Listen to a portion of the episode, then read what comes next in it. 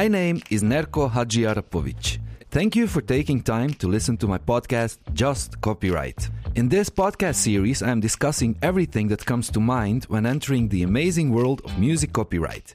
I have been fortunate enough to have been given time and resources by the University of Applied Sciences in Utrecht to, for four years, do an in depth research about music copyright in the digital music industry. In this podcast, my guest of the episode and I will tell you all ins and outs of the music copyright industry. For this episode, I invited Tim Toth, A&R manager of CTM Publishing, and he's looking for the next composer, artist who can surprise him with his music or vision. I found this online. I have known Tim for quite some time now, and uh, you, I know you're like a very active, positive, and passionate music expert or industry professional. Uh, he has worked with uh, Ronnie Flex, Chef Special, Dopebwoy, Jonna Fraser, and many, many others. And you are always on the quest to find and support new talent. So, hi, Tim, welcome, and how are you? Hi, Nerko. Thank you for having me. Uh, I'm good. I'm good. It's uh, it's been a hectic year with a lot of great new developments, a lot of great new talent we're working with. And you know, we just talked about this a little bit before. Also, of course, a bit of a crazy year with everything that happened with COVID but uh, I'm I'm I'm doing well. Do you feel good? Yeah, I must say, yeah, I feel healthy right now, so that's nice. oh, that's really and, good. Um, I had I was lucky enough to travel a little bit uh, last week, so it was exciting to get out of the country. Uh, but yeah, I'm, I'm feeling well. Oh, that's really good to hear. Yeah. I would like to start right away with probably the most important question of all. Uh, can you tell us how you ended up working in the music industry and why? Yeah. So um, how is a little bit of a longer story because when I was 16, I started playing in bands, and then I, you know, I thought we were really good, and we weren't, but I thought so. So I started booking shows for us, and I was organizing the shows, you know, setting up small festivals and that kind of shit. And then I was like, oh, I really like this behind the scenes work. So I started looking into what I could study. I went to Utrecht, studied uh, arts and economics, where I met you, of course, uh, focused yeah. on music management. And then after my my thesis, I um, I really just started applying for jobs, and I, I just kind of ended up at CTM. Um, they had a job offer uh, opening as artist manager, so I applied for that. And they were very friendly, but they told me that I wasn't the right person for the job, but that someone was leaving in the publishing department as a creative assistant, and if I was interested in working there. So I took that opportunity with both hands, started working there, did a lot of you know assistant stuff, going for coffee runs and uh, analyzing the charts.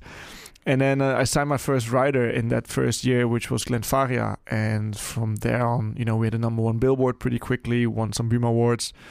And then the A&R left and they, you know, they didn't find a replacement right away. So they offered me the chance to be like, you know, you can do this for now. If you find someone better, you go back to being an assistant. But luckily, I was able to kind of prove myself. I was A&R for five years. Now for two years, I've been head of A&R, so overseeing the department.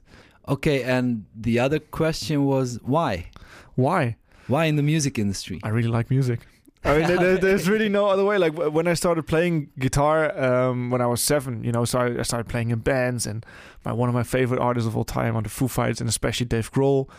And I, I just really liked it and I kind of started reading about the music industry. I figured out what an A&R was. I was like, oh, this sounds amazing. Like you get to work with all these kind of artists, talk about their music, go to shows, discover new talent. And I was always like eager to find someone to give someone the opportunities that every kind of artist or starting artist dreams of and help them become the next big, big artist. And luckily I've had that chance a few times and was able to take it. But I really, I, I wanted to support musicians and I really like music. Okay, that sounds really passionate. I can mm. feel your passion, but also you mentioned that your one of your first signings was Glen Faria, and yeah. for people who don't know, he's I think one of the uh, often mentioned songwriters in the Netherlands with a couple of really great hits. Yeah. And really work, uh, hardworking dude, actually, but yeah. with a lot of success as well. Yeah. So, uh, uh, could you tell us just a little bit more about your working day? What time do you wake up? What time do you go to bed? And what happens in between?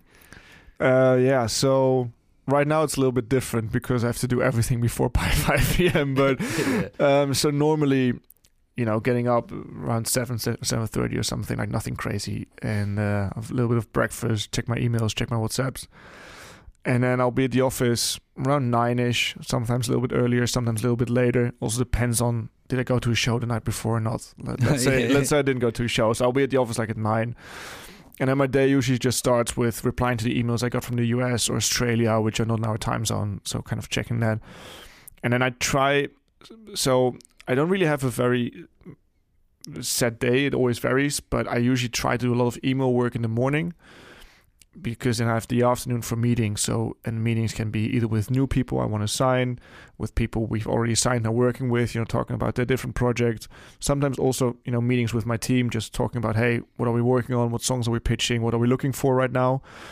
Um, and then usually in the afternoon, I will go to the studio to a session, maybe have a dinner at night with, with some of the artists or writers we work with, or go to a show. Um, obviously, you know, that's not every day, but when I have the opportunities, I'm at shows like three times a week. And then, you know, reply to a few more emails while I'm waiting on people and, and then uh, go back to bed. I wanted to ask you actually what the publisher does, but now we know. Yeah. Just gave us a perfect example of, you know, Yeah. finding the, but I, I have some questions prepared for you for Yeah. later.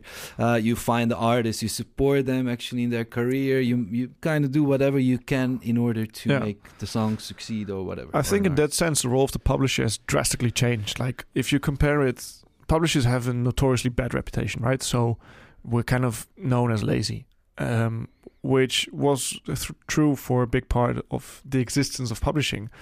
But I think, and over the last 10 years or so, publishing has become a major part of your career as a writer, especially as a writer, of course, uh, but also as an artist, because a lot of labels will not jump in until you've had some success, and publishers are still willing to invest, even though you don't have any noticeable success yet. Um, and um, it's more and more about the song. I mean, labels more and more offer their distribution services, but it's not like in the old days where they would invest and give you A and R and everything on that. You Yeah. get a really good distribution deal and you get in the playlist, but it's not not with every label, of course, and, and depending on your deal. But a lot of times people will go for a distribution deal, which is different. And then you have the publisher who supports kind of the creative stuff, helps you setting up sessions, connecting you to the right people. And we're talking to everyone. We're talking to other publishers because we want to work with their writers. We're talking to the labels because we want to pitch song. We're talking Yeah. to management because we need to know them.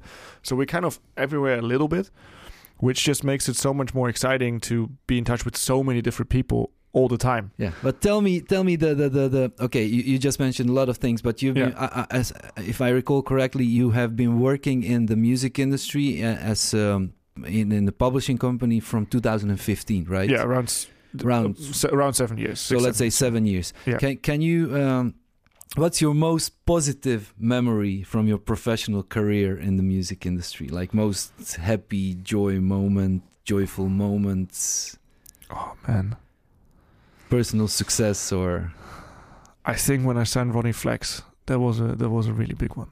I think because at that point, so right when I started working at CTM, we were we were already a big independent company, right? Yeah. But mainly representing catalog. Our own roster at that point wasn't that big yet. We had Leon Paul Palmen, who is a massive songwriter now and was already writing hits back then, but he left the company around that time. And we didn't have a lot of artists yet. And people didn't know that we could compete in signing artists or anything. And I remember when I had my first meeting with Ronnie during ADE in Amsterdam, and um, we'd never met, but I was a big fan of his music as well. And you know, I was kind of quoting lyrics to him, and was like, you know, this is one of my favorite songs ever made, and which is true. This is something I really believed in. And then we made him an offer, which wasn't the highest offer on the table. Like we knew that we didn't, but that was all we could offer. And he still signed with us. But yeah, I think Ronnie was probably the biggest moment in my career at that point. At that at that point, and I think since then, I think now Marv is probably something I'm very very proud of that we were able to to get him to the level where he was because when he, we signed him, he literally didn't have a single song out.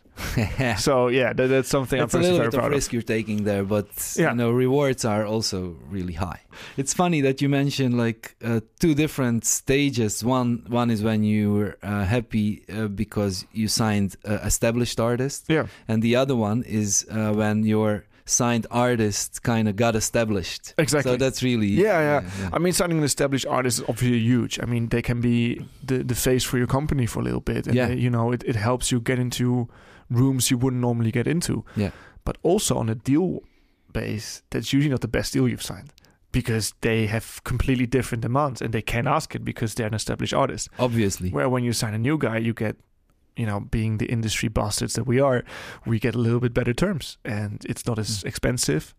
Oh, that sounds really good. I I, Yeah. I was gonna ask you about the uh, uh, one bad moment, but let's just don't do that because the energy is way too good for that. But tell me, uh, what is for you the most striking development within the music industry in the last seven or whatever ten years? I mean, before you worked there, Yeah. you also studied, and you were in the industry for 10, 11, Yeah. maybe fifteen years. Anyways, what is the more striking like uh, development? What what's you know what what what is changing the Yeah. industry in a good or in a bad way? I think obviously what's been a massive change is Spotify. Um, like going back all the time, I remember when I first got Spotify and I was like, "This is insane! I have Yeah. every song I want right now." I sold my entire CD collection that day. Really? Yeah, was that Still a good my- decision? yeah, yeah. I still got like a thousand euros for it for like a few hundred CDs. Oh, that was good. So it was okay. Good timing. Yeah, yeah. I think it was still at the point where people didn't realize. Uh, I still have my finals though, but that's Oh, more of a collector's Yeah. thing. So, but like realizing I'd had every single song at all time available at any given moment was insane. What what I've really seen change over the last couple of years is ownership. Uh, when we make deals now, and also when we buy catalog, uh, and when you say we, you know, I'm not personally involved with buying catalog, but it's something that's been very much happening over the last couple of years in the music industry. And André de Raaff, our founder, kind of started this with Imagem back in the day. Exactly. Yeah. Um, ownership is a big part now. I mean, NFTs are basically all about ownership, and it's the same with with music rights. If Yeah. you own it, you make the money. There should be smarter solutions than filling in Excel sheets. Yeah, well, I was going to ask you about that, but you you're just always one step ahead of me because obviously it's your day-to-day job, so you're thinking about these things. Yeah, I found out a bit about the black box, Mhm. and uh, I'm still going to research. I cannot say anything out about it from a PhD candidate perspective. Uh, we will figure out how it actually works, and I hope to come with some useful useful insights in in a three or four years. So be patient there. Yeah. But anyways, just to to um, you you I, my next question was actually going to be about the justice and fairness of the music right of music copyright system. Mhm. and you just told me that in your opinion it's not I mean there, there are two sides of the story. Rational story yeah. and the perception Yeah. of people. So Yeah. can you maybe uh, enlighten us a bit on both sides, like from rational? Is it uh, is it a fair system or just system? Maybe better. Um, oh, that's such a complicated question. to I know, yeah, that's why I'm asking. the thing is, I think the, the because also, so I think in the Netherlands, it's not a bad system, right? Um, we have Buma collecting, and I Yeah. think they're doing a good job on on a lot of levels. You know, Yes, um, they're trying their hardest, which is important. They've been making a lot of changes, but they're a big organization. They're handling a lot of money. Yeah. I mean, only Buma handles 250 million a year. And we're a small country. So let's Yeah. look at Gema, who handles like a few billion a year. Yeah. It's a lot of money involved. It's a lot of responsibility. Um, I think a big problem is is that when it comes to issues or problems, a lot of the less successful writers are very preoccupied with it, whereby the successful writers that get paid don't really bother too much about it. I think exactly. it would be great, like looking at uh, Buma Samurai is like a yearly members meeting where everyone can come. It's shocking how little people are there. Looking at an organization with a few thousand members, they can barely fill a room. Yeah, but let's do just a little experiment. Yeah. Sorry to interrupt. Arithmetic, actually. So I write a song, and I'm 100% owner of publishing part, Mhm. composition part, and the lyrics part. Yeah. I record the song just with my guitar, and I distribute it on Spotify, and I get one million streams. Yeah. How much money would my master be worth in percentages? You don't have to tell me like exact Oh, numbers. I cannot tell. I mean, numbers are never 100% exact because it depends on the country and it depends on who your listeners are. But I think for the master side right now, it fluctuates, right? So Just I think right now it's around 3,000 euros on the master side. Uh, this is all 100% numbers. And publishing is around 800 euros. 800 euros for Yeah. mil- 1 million streams. Yeah. So, okay, let's make it even a little bit better. So, if I I was to split my shares with a lyricist, I would Mhm. be and you as a publisher, and I had hundred million streams. Mhm. That song would generate eighty thousand euros, approximately. Yeah. eight hundred times hundred, yeah, eighty thousand. Yeah. So I we would have to split it with three of us. Yeah. but it's like a huge song. yeah. So it would be twenty six, seven thousand each, and I would Yeah. still have to pay taxes, and you have your overhead. Yeah, but no. Let's I just mean, talk about the brute. Yeah, exactly. brutto, just yeah, the just the gross uh, br- Yeah. brutto uh, kind of thing. Uh, that doesn't sound like a lot, and I mean, hundred million streams is a lot. Those Yeah. are like huge hits, right? No, but I'm not. So what I'm not saying, I'm not saying that Spotify is not paying enough, right? So I'm saying I understand. It's I'm- just I'm the saying- composition. The, the, yeah, the- I'm just saying the composition side because Or, yeah. in comparison, the let's say you're not the artist in this case, right? So the artist gets around three times as four times as much. four times as much. So that's three hundred twenty thousand. And we are talking about the masters here. We're talking about the master in this case. Yeah. So I just think the gap is too big, right? And I Yeah. think that leads to writers asking unreasonable things. Like now they want to have shares in the master, they want to get paid for that. Yeah, And I'm not a big fan of that either, because Yeah. if you're not involved in the master, you shouldn't have points on the master. exactly. Other way around. If you didn't write the song, you shouldn't get publishing credit. Exactly. How do you feel about the fact I just asked the same Mm. question to Niels that uh, Daniel Ek, the the CEO and founder of Spotify, he's worth four billion dollars in wealth. Yeah. okay, I, I think uh, Uh, your, your face expression is just saying enough. I think. Yeah, but the thing is, right? I I mean, he created an amazing platform with hundred millions of users. No, that's okay. So- yeah, I agree. And it's a company, of course, you know, they're entitled to profit. Uh, Apple makes a profit. oh, but his uh, shares are like six to ten percent. you know, so he's a Yeah. small shareholder. That, that's true. I mean, the, that, that's a whole other discussion who owns Spotify, but yeah. um, I you know I think he did a good job, and I mean let's face it, the other way was illegal downloads. So Okay. good luck getting paid with those. didn't even discuss the YouTube, the TikTok, the Facebook. We don't even have to. Yeah. But I mean, uh, the, I think. Uh, what do you think? Um, how could we? Because on the first episode, which Mm. which is to be uh, uh, distributed soon in January, I I talked with Robert Baruch. I don't know if you know. Yeah, him. yeah, from Buma Stemra. Yeah, he was a lobbyist Yeah. for Buma Stemra Yeah. and, and a great guy with a lot of knowledge and insights. And and we were trying to discuss the situation where uh, there is no not and, and you are mentioning the same thing. The collective is not really strong. Of, I mean, not even in Holland. Uh, and um, you know, if you talk about it globally, there's like no way to kind of unite. But what do you think is there a solution to have like honest and good debate or discussion with these companies? I think so. I think that there are some companies, and I know that CTM is part of a union or whatever you want to call it, that is talking to Spotify about this. Um, I think just a big problem in, in this is that the difference between majors and independents is very, very big. Right? So at the end of the day, the majors control a big part of the market. Yeah.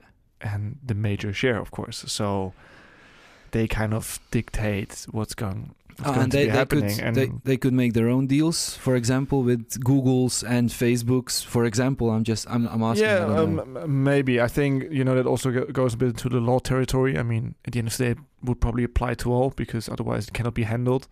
But I mean, we talked about how much Daniel Ek is worth. Let's talk about how much the CEO of Google is worth, yeah, and yeah, yeah. also owns YouTube. so yeah, or go into Mark Zuckerberg territory. I mean, then Yeah, like- pretty poor. exactly. Okay, uh, another question, something completely different. What is your favorite song uh, right at this moment, and why?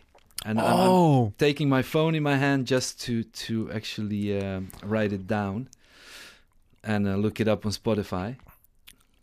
Just name one. oh shit! I really like Götterdämmerung van Zealand Order. How do you how do you spell that? Uh, so Zealand Order is Z E A L Z E A L, L and then Ziel and Order. Order. Yeah, and they have and the, the song, song uh, is Götterdämmerung. It's like it's probably there. oh Yeah, oh that's this is uh, the one. This is the one.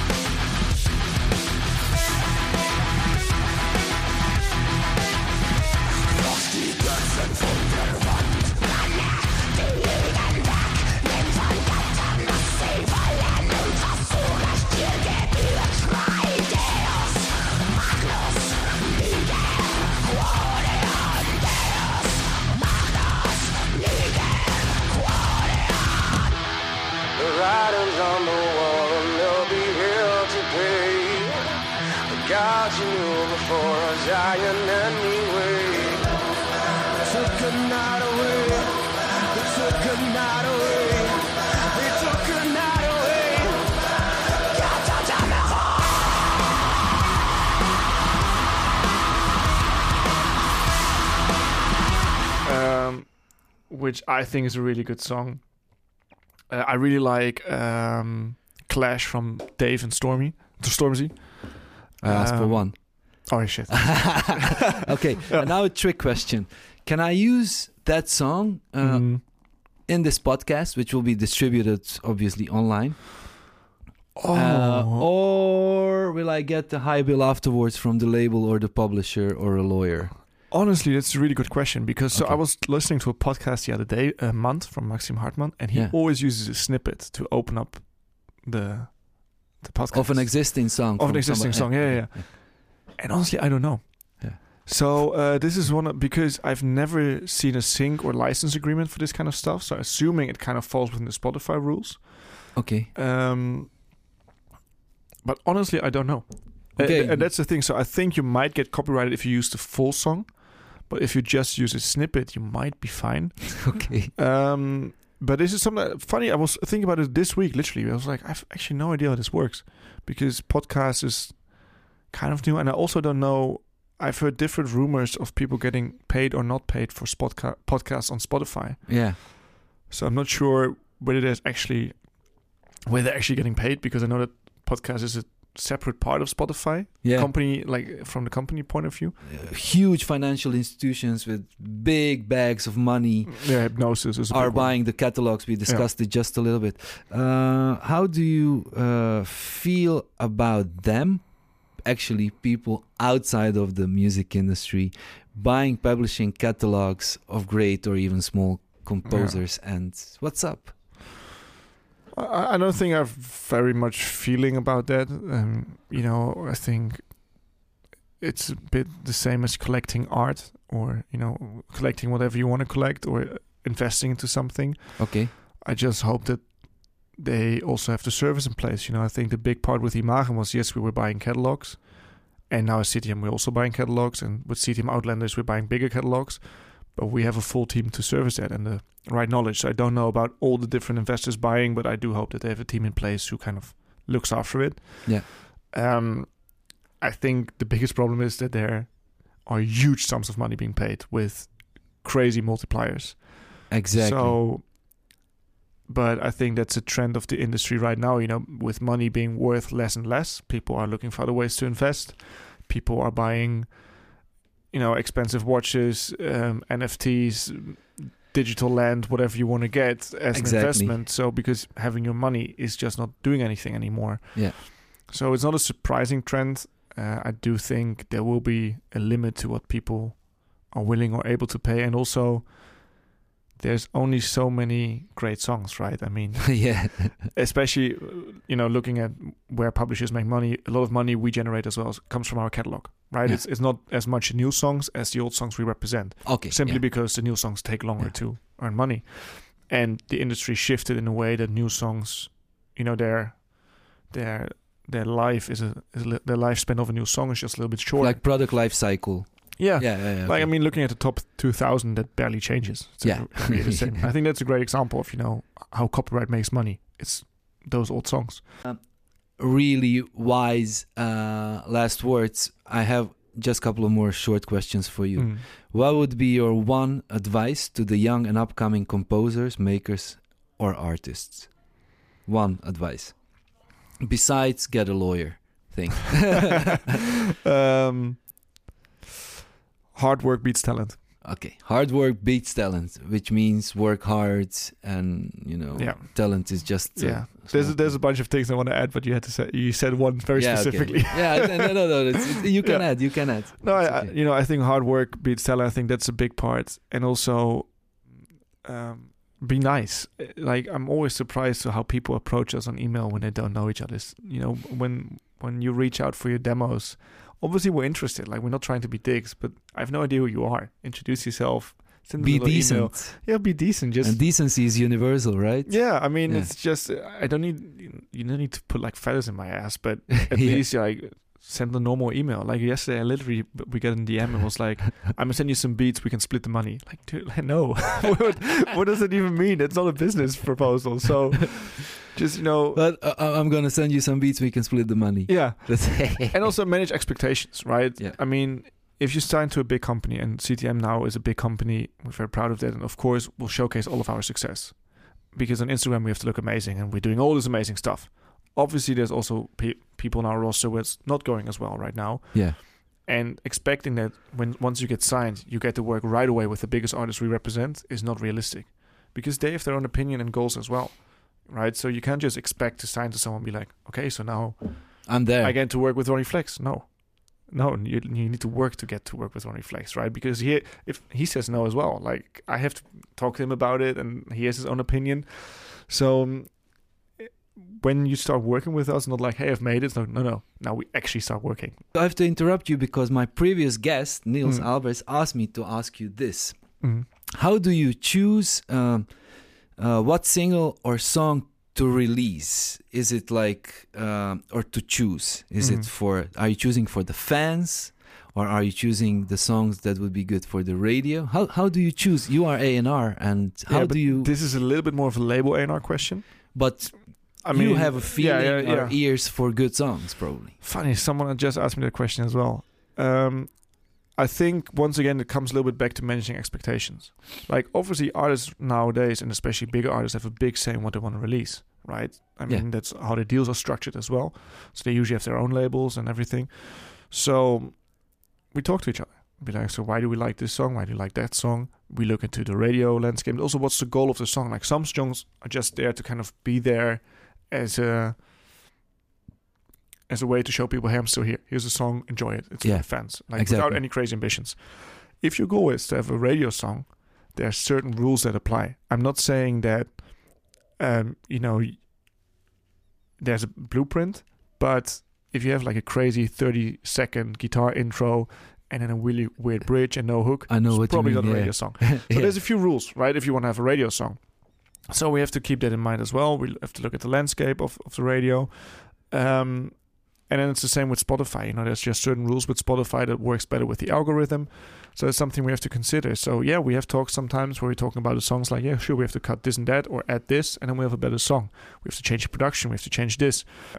Do you have a one question for my next guest, uh, David David Schreurs, David Schreurs from uh, Grandmono, Caro Emerald? Uh, yeah, he's a composer and label Yeah. owner. And uh, one one funny thing is, I, I will discuss do-it-yourself uh, Mhm. approach with him because he's. Uh, he tried. I mean, they tried to keep everything within the company, label part, Yeah. publishing part, the whole thing. Yeah, I know, I know, I know. Yeah. Which I think they did very cleverly. yeah, Um, I know Guillaume also well, who, who now runs Lab Music. I was talking to him the other day about it. okay. Um, but Guillaume well, Warmerdam. yeah, he's a, he's a good guy to talk to as well. Yeah, I will. I will. Uh, he, yeah, he Yeah. lives next door to me. So Yeah, all right, Yeah, okay. I'll. Um, yeah, Bolo gang. yeah. you left us, you Okay, bastard. So, yeah, I know, I know, I know. So a Still hurts. question, Yeah, I know. I, I live in a now, so Yeah. Yeah, I'm well. posh. um, a question for David. Um, and he uh, he's a composer, right? yeah, composer, producer, Mm, label owner, publisher. yeah. Um, I, I think I, I would like to know like how how he feels about you know the Spotify master uh, copyright situation, Okay. but also what he thinks would be a better way to do it, and how he feels the role of the publisher has changed over the last years, and if he sees a noticeable or notices a difference. And um, I think this is a good start. I Yeah. think that that he will exactly know what what you uh, Yeah. what you uh, what you're thinking. Uh, Tim, thank you so much for taking time. I know you're Yeah. really busy guy. Thank you so much, really, and and I hope soon I will be able to to have a wine with you on me. Uh, any final thoughts? No, it's been great to see you again. I really enjoyed Definitely the questions and to kind of think about this as well, because sometimes when you're in the middle of everything, you just don't get the time to reflect on what's going on. So Exactly. it's a good way to think about it. And um, I don't know if I'm allowed to promo myself, but I will just do so. please do, please do. If anyone has any more questions about publishing, please check out the NMUV website, uh, which is the Dutch Music Publishers Association. They have a bunch of really cool videos kind of explaining what publishing is and how they can help you, and they're also available for your questions. Uh, also, reach out to Buma for you know musicians to check it out. And if you want to reach me and have any questions about this podcast or publishing or music in general, or you want to send me cool music, you can send me an Instagram message at the Dotfather or mail to publishing at ctm.nl. So, guys, that was it for this week's episode. Thank you for joining us today and sharing your experience, knowledge, and thought with us, Tim. Thank you so much once again.